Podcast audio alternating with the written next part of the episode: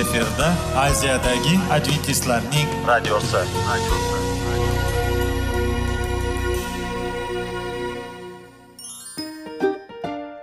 assalomu alaykum radio tinglovchimiz dasturimizga xush kelibsiz va bizni tinglayotganingizga sizdan judayam minnatdormiz bugungi bizning dasturimizning nomi sog'liq daqiqasi deb ataladi va biz sizlarga bu dasturda mevalarning foydasi haqida so'zlab bermoqchimiz ya'ni uning tarkibi uning tarixini va foydali xususiyatlari haqida. Aziz do'stlar mevani iste'mol qilish kerak ekan va biz boshladik. Ketdik. Sog'liq daqiqasi soliqning kaliti qiziqarli ma'lumotlar faktlar. Har kuni siz uchun foydali maslahatlar. Sog'liq daqiqasi rubrikasi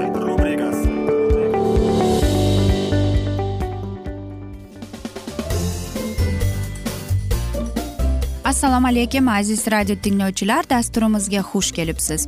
Va biz sizlar bilan tana va sog'liq deb nomlangan dasturda xushvaqt bo'ling deb aytamiz. Va bizning bugungi dasturimizning mavzusi shamollash va gripp.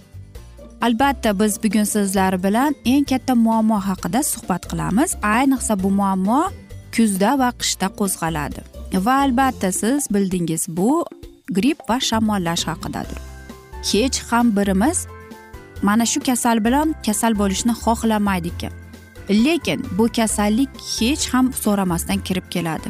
Biz xohlaymizmi xohlamaymizmi u kelib qoladi.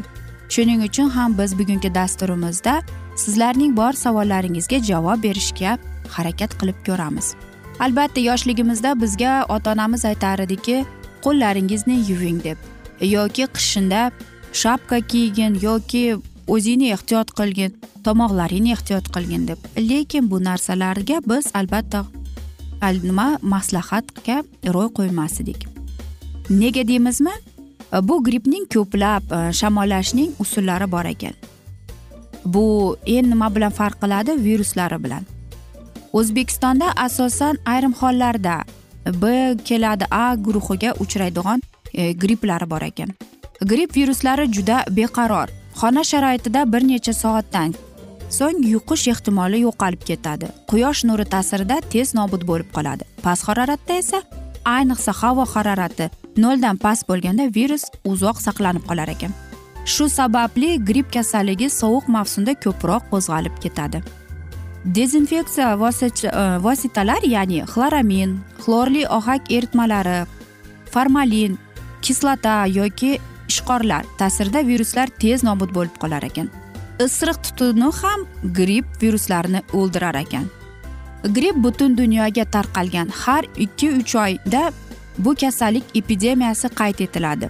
Infeksiya manbai bemor u aksirganda yo'talganida gaplashganida e, virus havo zararchalari va so'lak tomchilari bilan atrof muhitga tarqalib ketadi. Ayniqsa kasallikning dastlabki kunlarida virus bemor organizmidan ko'plab ajralib yaqin atrofdagi odamlarga nafas yo'llari orqali tushadi. Aholining barcha taqabalari ayniqsa bolalar va keksalar ham bu kasallikka moyil. Nimjon turli xastaliklarga chalingan odamlarga gripp tez yuqadi. Jismonan baquvvat chiniqqan odamlarda kasallik ham kam kuzatiladi kasallikning yashirin ya'ni buni biz inkubatsion davri juda qisqa bir necha soatdan bir ikki kungacha bo'lib kelar ekan. Kasallik to'satdan boshlanadi. Sog'lom yurgan odam birdan mazasi qochib eti yuvishadi lohas bo'ladi. Harorati ko'tarila boshlaydi. Oradan bir ikki soat o'tgach kasallikning asosiy alomatlari namoyon bo'ladi. Isitma qisqa vaqt ichida o'ttiz to'qqiz qirq gradusgacha ko'tarilib bemor junjiqib sovqatadi qaltiraydi. Э, buning harorati ko'tarilib bo'lgach e, bemorning badani qiziq bo'lib betoqat bo'lib qoladi. A'zoyi badani bo'shi qo'l oyoqlari mushoqlari zirqirab og'riydi. Ayniqsa peshona va chaqqa sohasida og'riq kuchli bo'ladi. Ba'zan bemorning boshi aylanib ko'zi tinadi ko'z yoshlanadi qizarib ketadi ko'z soqasida og'riq bo'ladi. Burun bitib qoladi nafas olish qiynalishadi tomog'i og'riydi og'zi qaqraydi. Quruq yo'tal paydo bo'ladi. Gripp yengil o'rtacha va juda og'ir o'tadi. Kasallik og'irroq kechganda ko'ngil aynishi qusish burun qonashi ham mumkin ekan.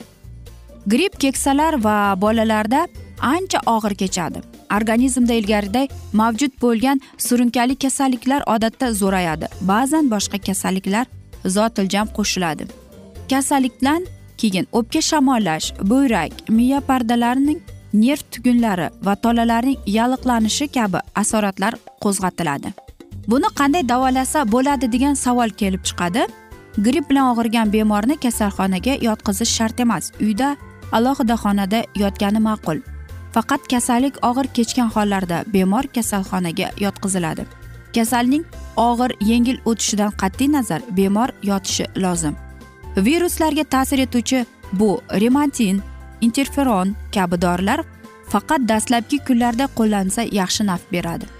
Shirchoy limonli murabbo ayniqsa malina smorodinalik qattiq qoqur e, ichib terlash bemor ahvolini yaxshilaydi. Shifokor tavsiya bilan og'riq qoldiruvchi dorilar va antibiotiklar tavsiya etiladi. Buni qanday oldini olish bo'ladi? E, gripp tarqalishi ehtimoli bo'lgan kezlari maxsus profilaktika maqsadida virusga qarshi vaksina bilan emlash o'tkaziladi. Asosan bolalar va keksa yoshdagilar aylanib qoladi. Vaksina burunga tomziladi. Grippga qarshi gammaklobin qilinadi. Burunga profilaktika maqsadida interferon tomizib turish oksalin moyi surtish bemor bor xonada isiriq tutagib turish maqsadga eng muvofiq bo'lar ekan. Albatta biz aytamizki buning hammasini bilamiz deb lekin ko'proq suv iching ko'proq mevalarni iste'mol qiling. Ayniqsa sitrus ya'ni mevas vitamin c bo'lgan vitamin e, mevalarni iste'mol qiling. Bu albatta mandarin apelsinga kirib chiqadi. Va biz aytamizki ko'plab yana nimalarni hech ham o'zingiz bilib bilmay davolanavermang chunki ko'plab narsalarni biz bilmaymiz. Shuning uchun ham biz sizlarga aziz do'stlar bugungi dasturda aytmoqchimizki hech ham kutmang shamollash yoki gripp o'zidan o'zi o'tib ketadi deb. Va albatta men o'ylaymanki sizlarda savollar tug'ilgan bo'lsa biz sizlarni salomat klub internet saytimizga taklif qilib qolamiz. Va biz umid qilamizki siz bizni tark etmaysiz deb chunki oldinda bundanda qiziq va foydali dasturlar kutib kelmoqda. Va albatta biz sizlarga o'zingizni ehtiyot qiling deb yaqinlaringizni ehtiyot qiling deb o'zingiz omon qoling deb xayr sog' bo'ling deymiz.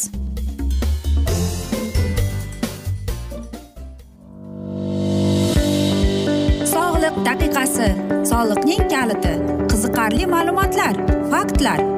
Har kuni siz uchun foydali maslahatlar. Sog'liq daqiqasi rubrikasi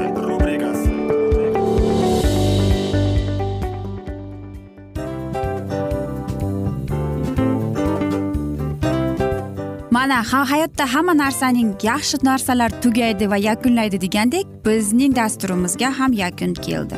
O'ylaymanki bizning dasturimiz sizga foydali bo'ldi deb aziz radio tinglovchimiz. Va siz o'zingiz uchun kerakli xulosalar kerakli maslahatlar olib oldingiz. Aziz radio tinglovchimiz biz bilan qoling va keyingi dasturlarimiz albatta undanda qiziqroq bo'ladi. Mana shu alfozda sizlar bilan xayrlashib qolaman.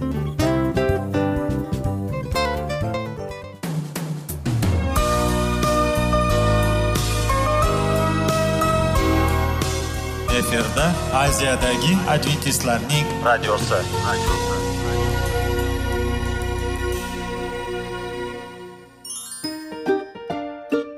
Assalomu alaykum aziz radio tinglovchilar. Dasturimizga xush kelibsiz. Va sizlarni bugun biz munosabatlar haqida sizlar bilan suhbat qurmoqchimiz. Ya'ni ikki sevishganlar to'g'risida yoki er xotinning o'rtasida bo'lgan munosabatlar haqida. Masalan yigit qizni qanday sevish kerak? Er xotinni qanday sevish kerak? Xotin erini qanday sevish kerak? Qanday munosabatda bo'lish kerak ular bir biriga mana shunday haqida bizning mavzuyimiz.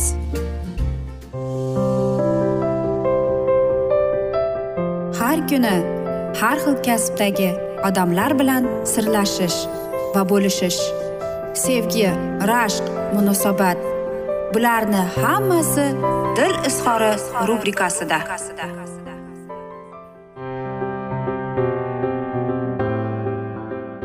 Assalomu alaykum aziz radio tinglovchilar. Dasturimizga xush kelibsiz va biz sizlar bilan erkaklar marsdan ayollar veneradan degan dasturni boshlagan edik. Va bugungi bizning dasturimizning mavzusi nega biz tortishamiz deb nomlanadi.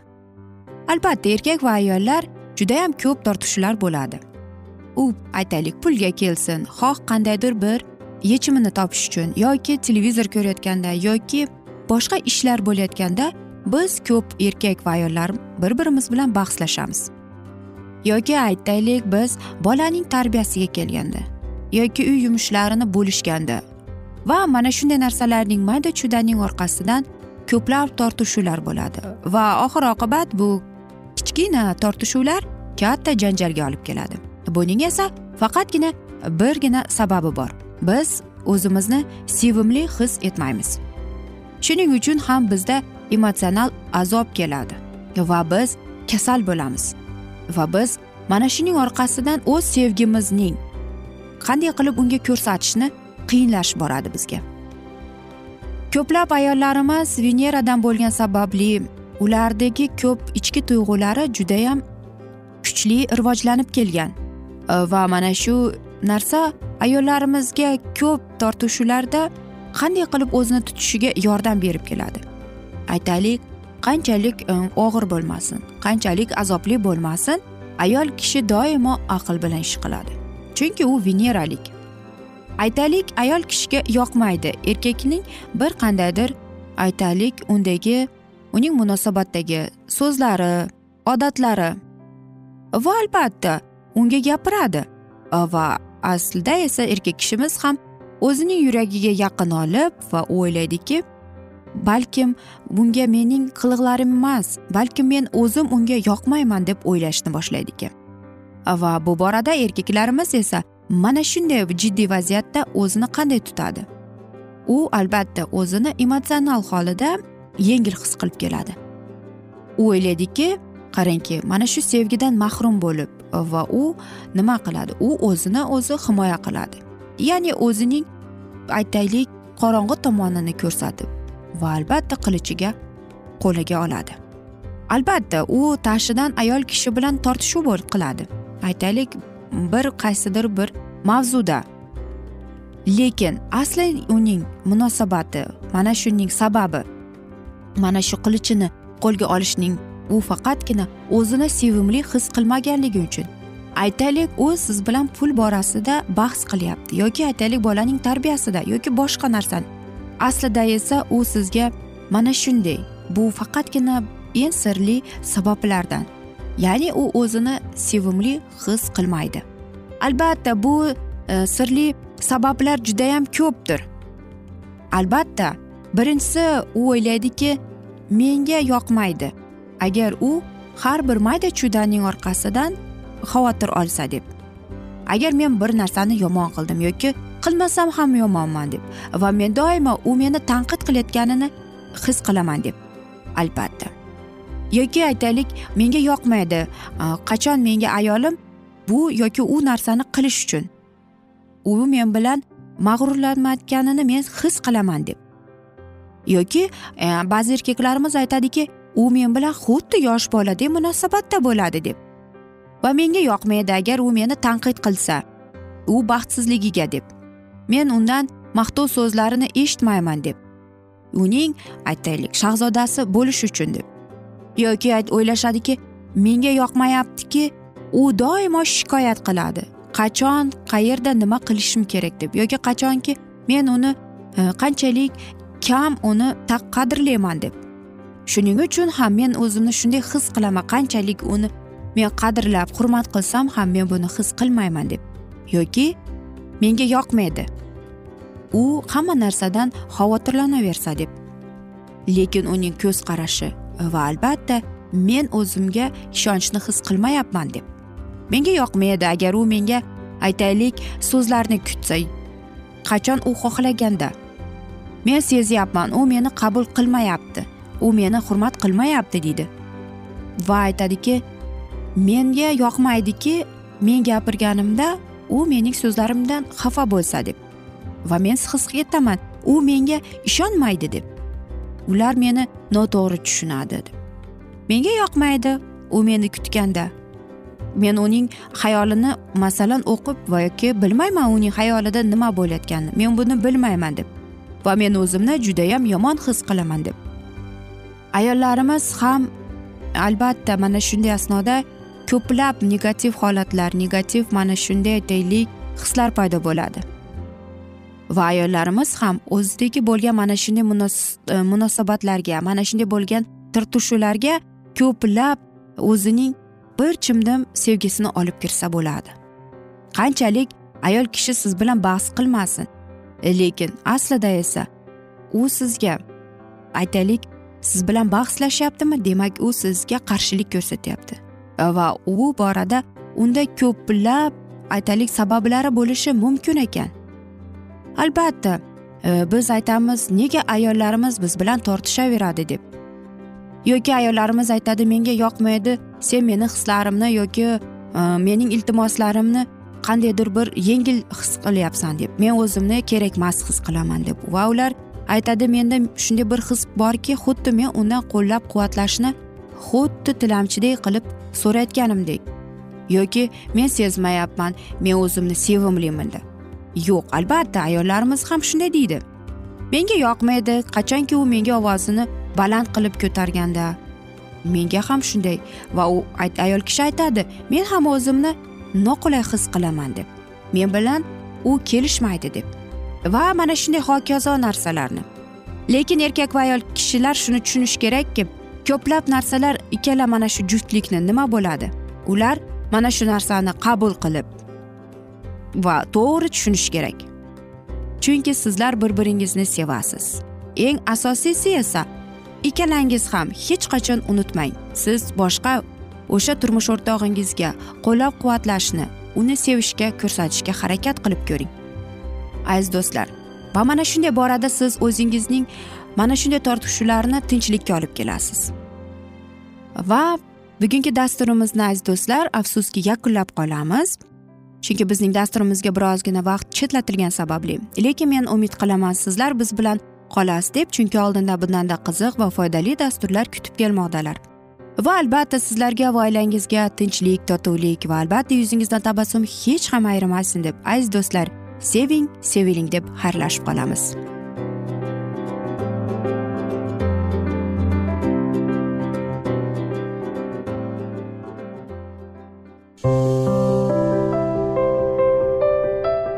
Har kuni har xil kasbdagi odamlar bilan sirlashish va bo'lishish sevgi rashq munosabat bularni hammasi dil izhori rubrikasida.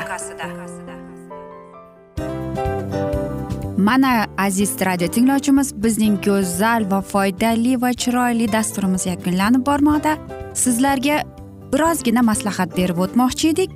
Bir biringizni seving qadringizga yeting va erkalang albatta bir biringizni va sizga judayam chiroyli va mustahkam munosabatlar tilab qolamiz albatta.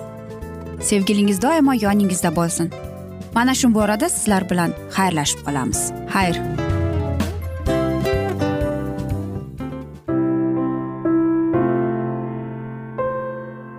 Hayotning noni. Qiziqtirgan savollar va javoblar.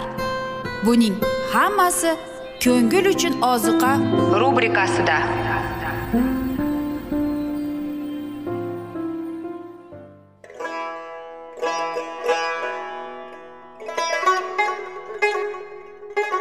Assalomu alaykum aziz va qadrdon radio tinglovchimiz. Dasturimizga xush kelibsiz. Bizni tanlaganingizga sizdan minnatdormiz. Va keyingi bizning e, mavzuyimiz diniy masalasiga kelib chiqadi. Albatta hayot davomida bizni ko'plab qiziqtirgan savollar bordir. Va mana shu savollarga qayerdan javob olsam ekan deb o'ylanib chiqamiz. Yoki hayotning ma'nosi nimada deb o'ylanamiz. Mana shunday dasturlar o'ylaymanki siz sizga foyda bo'ladi deb. Aziz do'stlar Э, bugungi bizning mavzuyimizning nomi vahiy kitobning ochilishi. Ya'ni bu muqaddas kitobda shunday deb yozilgan. Vahiy kitobning bizga bo'lgan buyuk sovg'asi deb. Albatta mana shunday kitobni eshitib quloq solib e'tiborli bo'lsak biz o'zimizning qiziqtirgan hayotning ma'nosini tushuntirgan bizni kelajakda nima kutayotganini mana shu kitobdan bilib olamiz albatta. Va xudoyim bizga qanday rejalar ochgan bizga qanday kelajak kutayotganini aynan mana shu kitobda yozilgan va bizga mana shu kitob orqali xudoyim bizga aytib bergan. Keling aziz do'stlar mana shu kitobni e'tiborli va yaxshilab quloq solib va chuqurroq nazar solaylik shu muqaddas kitobga. Assalomu alaykum aziz radio tinglovchilar dasturimizga xush kelibsiz. Va biz sizlar bilan ulug' kurash degan kitobni o'qib eshittirayotgan edik. Va bizning bugungi dasturimizning mavzusi yangi olamda ozodlikni izlash deb nomlanadi. Va biz sizlar bilan o'tgan galgi dasturning mavzusini bugun davom ettiramiz. Istalgan erkinlik haqqi hurmati ular nihoyatda kamtarona va fidokorona hayot tarzini kechirishga rozi edilar. Ular yerdan o'zlarining mehnati evaziga faqat mukofot olish hisob kitobni qilgan edilar. Boyishning hech qanday jozibador manzarasi ularni vasvasaga solmadi. Ular asta sekinlik bilan ammo ishonchli davlat qurilishining mukammalashib borayotganini mamnun edilar. Erkinlik daraxti chuqur ildiz otmaguncha ular ko'z yoshlari bilan ularni sug'ordilar. Muqaddas kitob ular uchun iymon asosi donolik manbai va erkinlik nizomi bo'ldi. Uning tamomiylari uylarida maktabda va jamoatlarda qunt bilan o'rgatildi. Buning samarasi tejamkorlik sog'lom fikr axloqiy soflik va sabr qanoat bo'ldi. Purintlar koloniyada yillar davomida yashab bironta mastni bironta so'kingan odamni bironta qashshoq odamni uchratgan bo'lmasdi. Muqaddas kitob tamomiylari milliy ulug'vorlikning ishonchli kafolati evaziga bu jonli guvoh edi. Zaif posyolkalar qudratli shaharlar birlashmasiga aylandi. Olam hayrat bilan papasiz jamoatlar va qirolsiz davlatlar xotirjam va gullab yashnashni mumkinligini ko'rdi. Ammo amerikaga doimo odamlar kelib turar. Ularning maqsadi dastlabki ziyoratchilarning xohishlariga aslo o'xshamas edi dastlabki ishonch va poklik kuchli ravishda o'zgartiruvchi ta'sir ko'rsatgan bo'lsa ham bu yerga moddiy manfaat izlab kelgan odamlar soni ko'paygan sari bu ta'sir susaydi. Bu yerda dastlabki o'rnashgan odamlar shunday qaror qabul qilgan edilar. Faqat jamoat a'zolari ovoz berish huquqiga ega. Shuningdek hokimiyatning fuqarolik organlariga mas'ul lavozimlarni egallay oladi. Bu qaror haqoratli oqibatlarga olib keladi. Bu choralar davlatni saqlash uchun qo'llangan edi ammo jamoatning axloqiy buzilishiga olib keldi. E'tiqod saylovlarda va ijtimoiy faoliyatda ishtirok etish sharti bo'lgani uchun ko'pchilik jamoatga manfaatparastlik maqsadlarida birlashtirdi ammo ular qayta tug'ilmagan odamlar bo'lib qolaverardi. Shunday qilib jamoatlar asosan dunyoviy e'tiqodsiz odamlardan iborat bo'lib qolaverdi. Hatto jamoat xizmatchilari orasida shunday odamlar bor ediki ular faqat noto'g'ri g'oyalarni vaz qilib qolmadilar balki muqaddas ruhning o'zgaruvchi kuchni to'g'risida hech narsani bilishmasdi. Buning oqibatlari haqoratli bo'lib jamoat tarixida konstantin davridan boshlab hozirgacha e, jamoat davlatning yordami bilan tashkil qilinishga haqoratlar dunyoviy hokimiyatga mening shohligim bu olamdan emas degan xushxabarni qo'llab quvvatlash uchun murojaat etganlarida ana shu halokatli oqibatlar namoyon bo'ldi. Jamoatni davlat birlashtirish olamni jamoatga yaqinlashtirish uchun bo'ldi. Ammo aslida jamoat olamga yaqinlashtirdi. Haqiqat doimo namoyon bo'lib turardi. Hamma masihiylar nurni qabul qilishga tayyor bo'lishlari kerak. Bu nur xudoning muqaddas kalomi sahifalarda nur sochib turishi mumkin. Robin va rojer uils mardanavor himoya qilgan bu buyuk tamomil ularning avlodlari tomonidan yo'q qilindi. Amerika va yevropaning protestant jamoatlari islohotning buyuk marhamati olib islohot yo'lidan oldinga yurmadilar. Garchi vaqti vaqti bilan yangi haqiqatni tarqatib uzoq vaqt hukmron bo'lib kelgan xatoliklarni fosh qilgan bo'lsalar ham ko'pchiligi masih davridagi yahudiylarga yoki lyuter davridagi papachilarga o'xshab ota bobolarning iymoni va hayot tarzi bilan kifoyalanib qolaverdilar. Shuning uchun din yana yangi formalizmga ilgari xatolarga va bidatlarga berilgani qolaverdi. Agar jamoat xudoning kalomi nurlari bo'yicha yurganda edi bu illatlarga barham berilgan bo'lardi. Lyuter davridagi rim jamoatida mavjud bo'lgan islohotga protestant jamoatlarida katta ehtiyoj tug'ilmagani sababli islohot ruhi asta sekin so'ndi.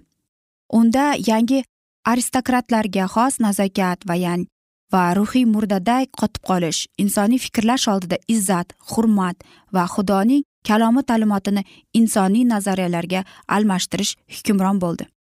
O'n birinchi asrning birinchi yarmida muqaddas kitobni hamma joyda tarqatish va olam ustidan tarqalgan buyuk nur ruhiy tajribani o'zlashtirishda va haqiqatni bilishda muvaffaqiyatga olib kelmadi.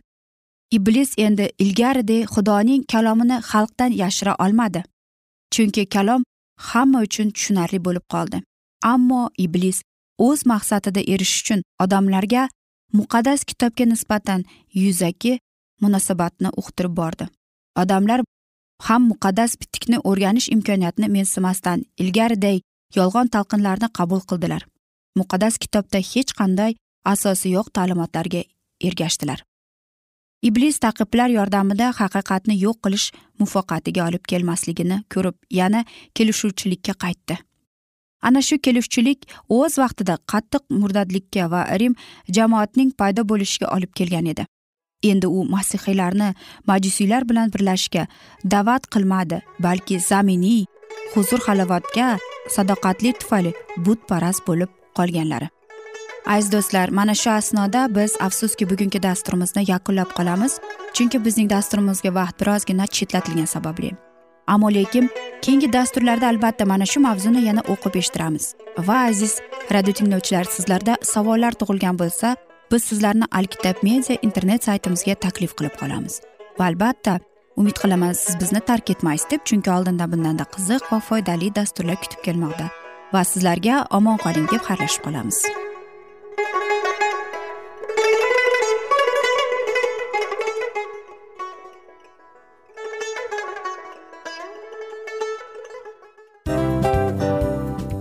Afsus afsus.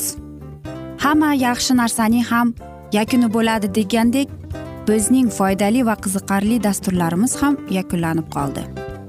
Va men umid qilamanki bizning dasturlar sizga ozgina bo'lsada maslahat berdi foyda berdi.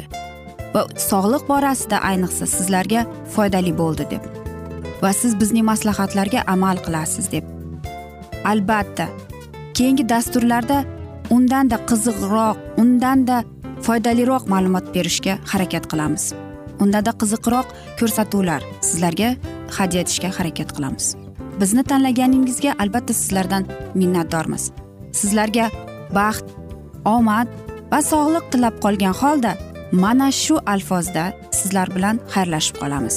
O'zingizni ehtiyot qiling sog' bo'ling omad sizga xayr.